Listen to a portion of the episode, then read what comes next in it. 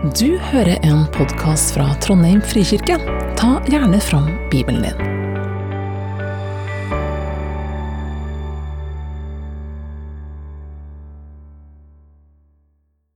Tolv, 1-3.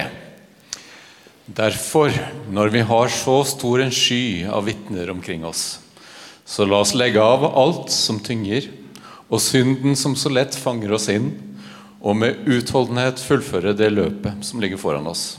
Med blikket festa på Han som er troens opphavsmann og fullender, Jesus.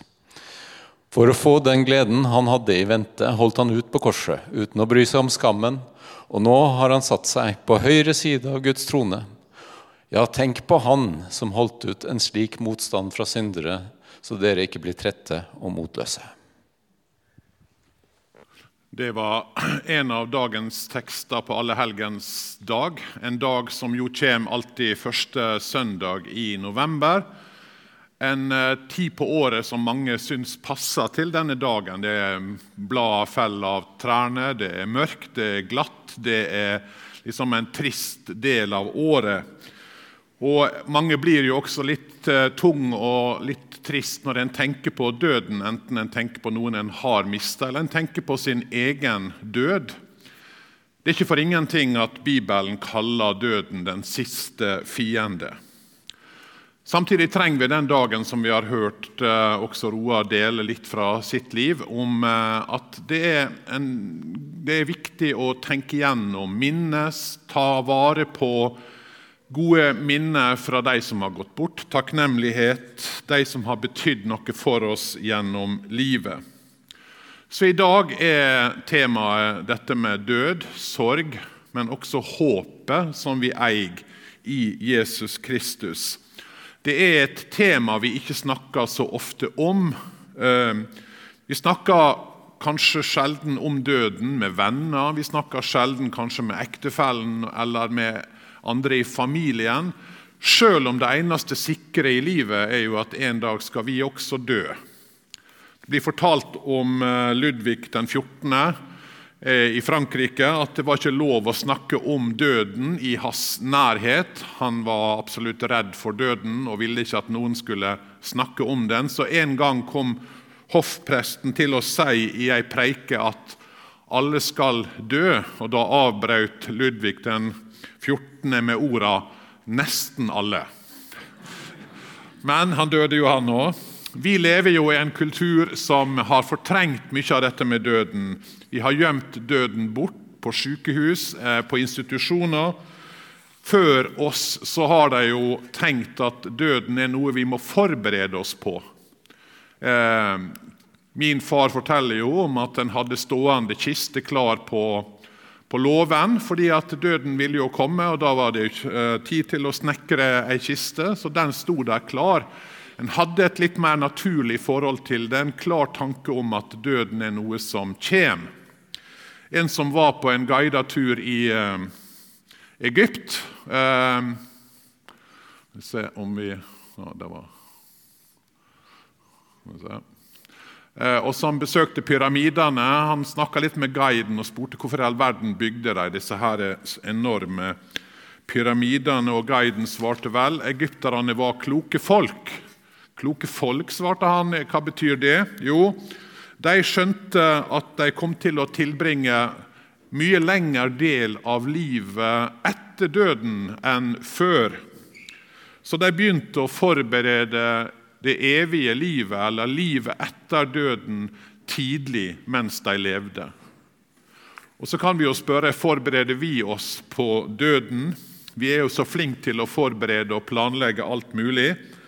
Vi planlegger alderdom, vi planlegger neste års ferie, vi planlegger arbeid.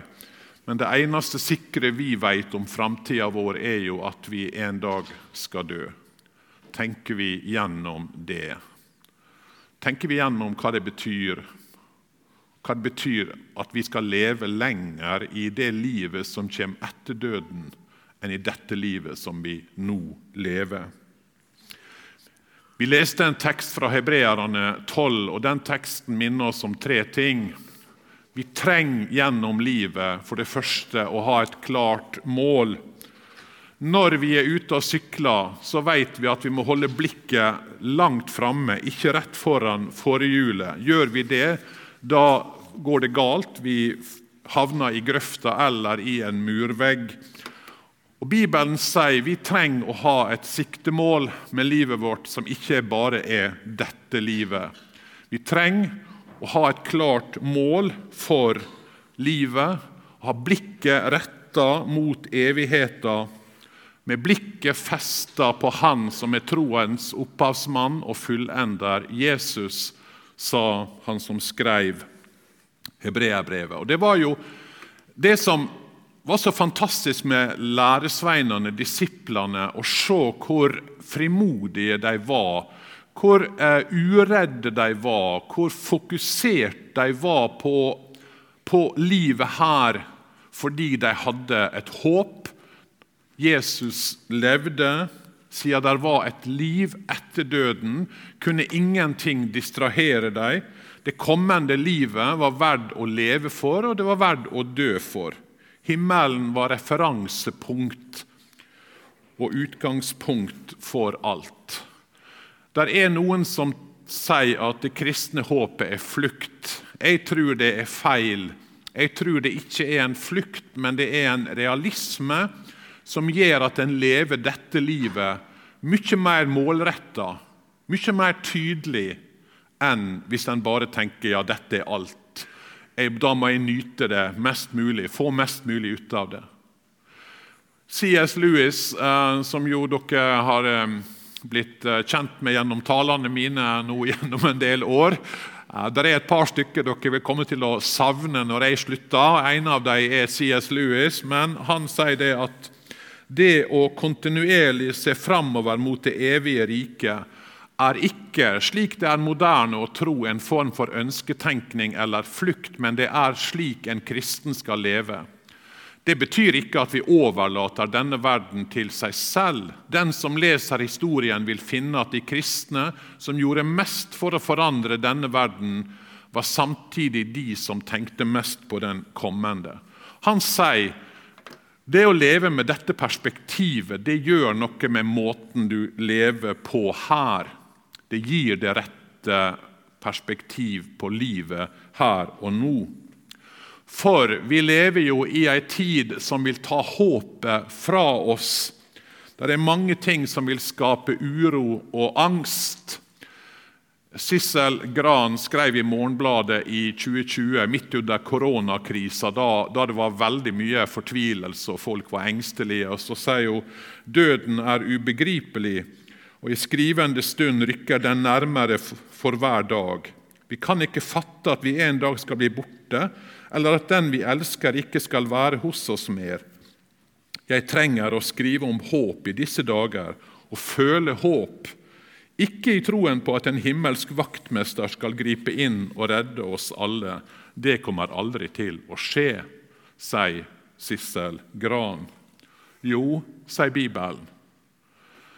Ikke en himmelsk vaktmester, men en Gud som har gitt oss et håp gjennom Jesu Kristi oppstandelse fra de døde.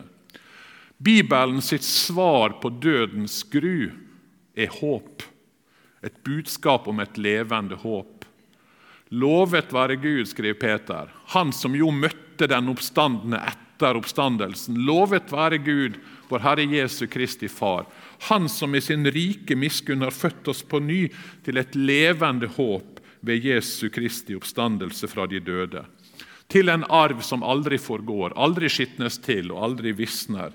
Den er gjemt i himmelen for dere, dere som i Guds kraft blir bevart ved tro, så dere når fram til frelsen. Den ligger alt ferdig til å bli åpenbart ved tidens ende.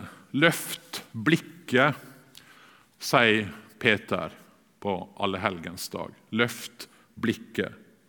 Der Jesus er, der er det håp. Han har seira over døden. Og Luther han sier at for den som er viss på sin Gud, har døden mistet all skrekk og er overhodet ingen død. Gud selv er den eneste trøst mot døden. Der er et levende håp. Og Det er på grunn av Jesu oppstandelse fra de døde.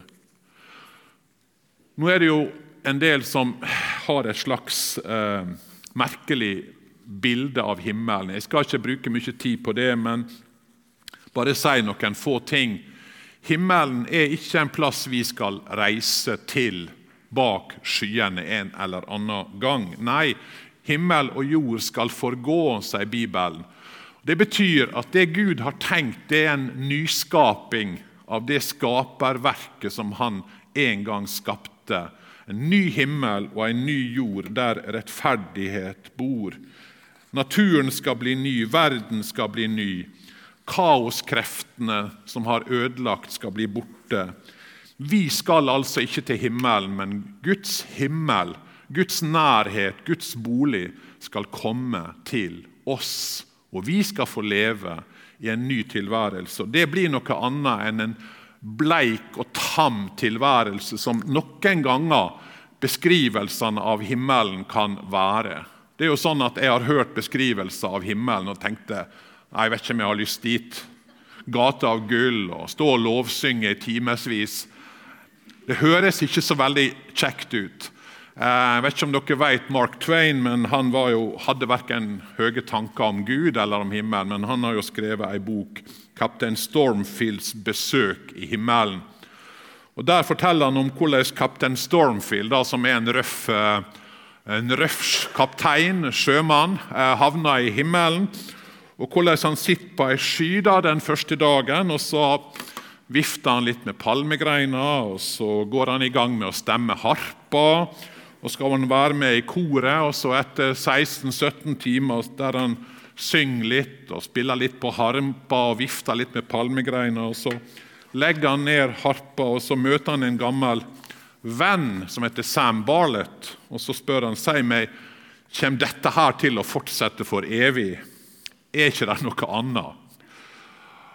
Mark Twain hadde absolutt ingen høye tanker om himmelen. Jeg prøver av og til å si tenk deg det lykkeligste øyeblikket i livet ditt.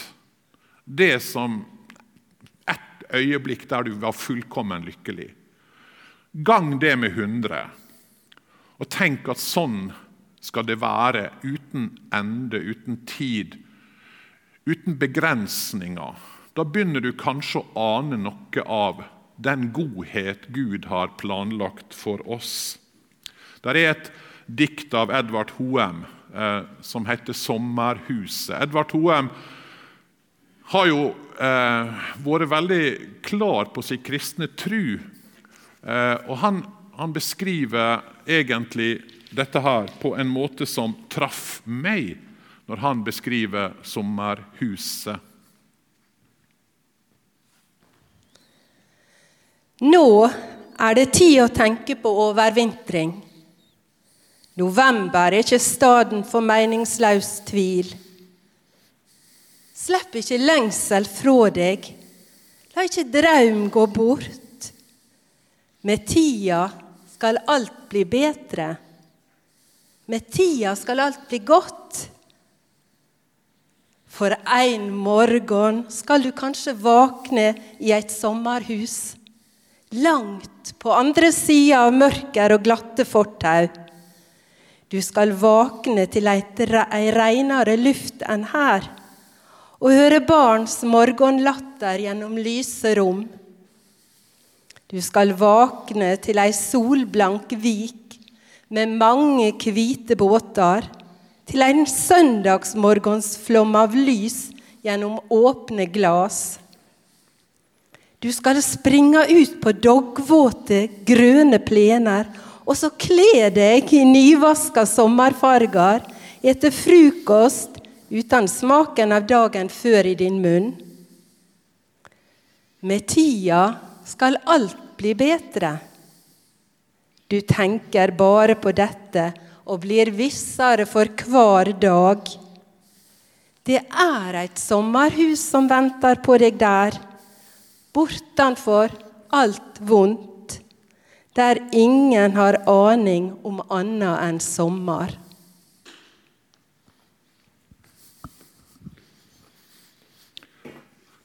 Edvard Hoem sitt forsøk på å beskrive det vi ikke kan beskrive, men som Bibelen sier Gud har gjort i stand for oss.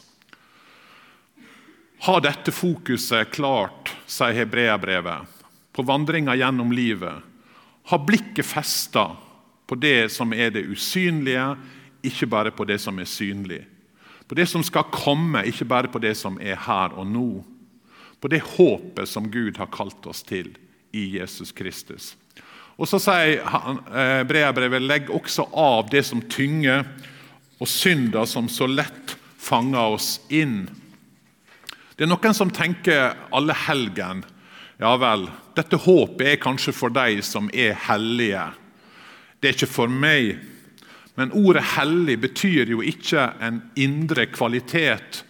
Ordet 'hellig' handler om å være knytta til Han som er hellig. Jesus Kristus. Det å være knytta til Jesus, det er å være hellig. Fordi det å være en kristen Hvis du skal prøve å beskrive det enkelt, så er det å gi alle mine nederlag og synder og alt som er vondt og ja, som jeg er skamfull over, og gi det til Jesus og få hans rettferdighet i stedet. Luther kaller dette for det salige byttet. Vi bytter altså, vi og Jesus. Han får min synd, min svakhet, mine nederlag. Jeg får hans rettferdighet, hans hellighet. Så Det er mulig å være blant de som Bibelen kaller for hellige. Fordi det er å gi Jesus det som er skittent å få Hans hellighet. Det er ikke alle heldiges dag, dette. De som er heldige nok til å ha et tru, de som er heldige nok til å på en måte leve greit eller har Guds, eh, Gud har et godt øye til, eller sånne ting. Eller er spesielt religiøse. Nei, å tru er å komme til Jesus. Å tru er å komme til Jesus legge av alt som tynger. Når vi gjør det, så har vi et håp, og da har vi evig liv. Hør hva Johannes skriver i sitt første brev. Dette har jeg skrevet til dere, for at dere skal vite at dere har evig liv, dere som tror på Guds sønns navn. Legg merke til hva han sier. Dere har evig liv. Han sier ikke dere skal få det en eller annen gang der framme. Nei, det evige livet det begynner her og nå. Og Vi kan smake av det, vi kan kjenne dufta av sommerhuset eller av den tilværelsen som Gud har gjort ferdig for oss allerede her og nå. Det evige livet det begynner ikke engang der framme. Det begynner her og nå med at vi eier Jesus, at vi får høre Han til. Det siste denne teksten sier da, det er jo å fullføre løpet. Hold ut på veien mot målet. Med utholdenhet fullføre det løpet som ligger foran oss. Fordi det å begynne på denne veien, det å begynne på veien sammen med Jesus, betyr ikke at alle fullfører den. Paulus opplevde det. Han hadde en god medarbeider som het Demas, en som sto sammen med han i tjenesten. Og Så skriver han et, egentlig et utrolig trist vers i 2. Timotius, der han sier til Timotius.: Kom til meg, Timotius, så fort du kan, for Demas forlot meg fordi han fikk den nåværende verden kjær. Det går an å bli bedratt, det går an å bli så fanga av verden at en mister trua. Så vi hører, når vi hører teksten fra Hebreverbrevet, hold ut, fullfør løpet. Fullfør løpet. Dietrich Bonhoeffer, som er den andre som dere vil komme til å savne når jeg slutter, det er da eh, den andre som jeg stadig vekk siterer. Men han sier det og Det, det synes jeg en av hans, ja, Han sier det så bra. Satan fyller oss ikke med hat til Gud, sier han, men med glemsel for Gud. Trua vår er ei skjør plante som trenger næring. Tru ikke at den trua den blir bevart uansett. Tro ikke at du kan la være å gå på gudstjeneste, gå til nattvær, høre Guds ord, være i det kristne fellesskapet og likevel bevare trua. For hva gjør djevelen? Han fyller oss med glemsel for Gud. Så møter jeg av og til mennesker som var brennende kristne i sin ungdom, og som jeg var sammen med, og som nå sier nei. Gud, nei. De sier ikke 'Han har jeg glemt', men det er det jeg hører. Hold ut, fordi, sier Bibelen, det er ei evighet som venter på oss, vårt rette hjem. Det er en allehelgensalme som er kanskje den fineste jeg vet om. Den heter 'Hen over jord et pilegrimstog som stille skrider frem'. Den er skrevet av Johan Halmrast. Han var født på Lillehammer i 1866. Men da han var tolv år, så flytta familien til Oslo. Kristiania. Eh, Johan Halmrast var liten, han var pukkelrygga, han var nesten en dverg. Og Hendene hans var deformerte og rare, så han ble mobba gjennom hele livet. Og trakk seg inn i seg sjøl. Faren gikk konkurs når han var tolv år. Og Det var et enormt slag den tida, så de levde i fattigdom. Han prøvde seg som dikter, han fikk jo ingen utdannelse. Han prøvde seg som forfatter, men bøkene hans solgte ingenting. Gjennom hele livet så fikk han oppleve at ingen bekreftelse. Han var ingenting, betydde ingenting. Han døde av lungebetennelse 46 år gammel. Og Utenom faren og broren så var det fire frelsesoffiserer som deltok i begravelsen. Det var alt. Seks stykker fulgte han til grava. Og Eiendelene hans var så lite verd at de bare ble brent. Det var livet til Johan Halmrast. Og Så har han etterlatt seg to av de mest fantastiske salmene vi har i salmeboka. Den ene er 'Å salige stund uten like'. Og den andre er denne her, hen over jord. Og Kanskje hans eh, livshistorie gir denne allehelgenssalmen spesiell for meg. For meg da.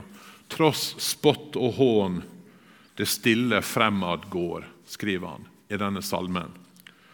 Han opplevde spott og hån, motgang, skuffelser, fattigdom.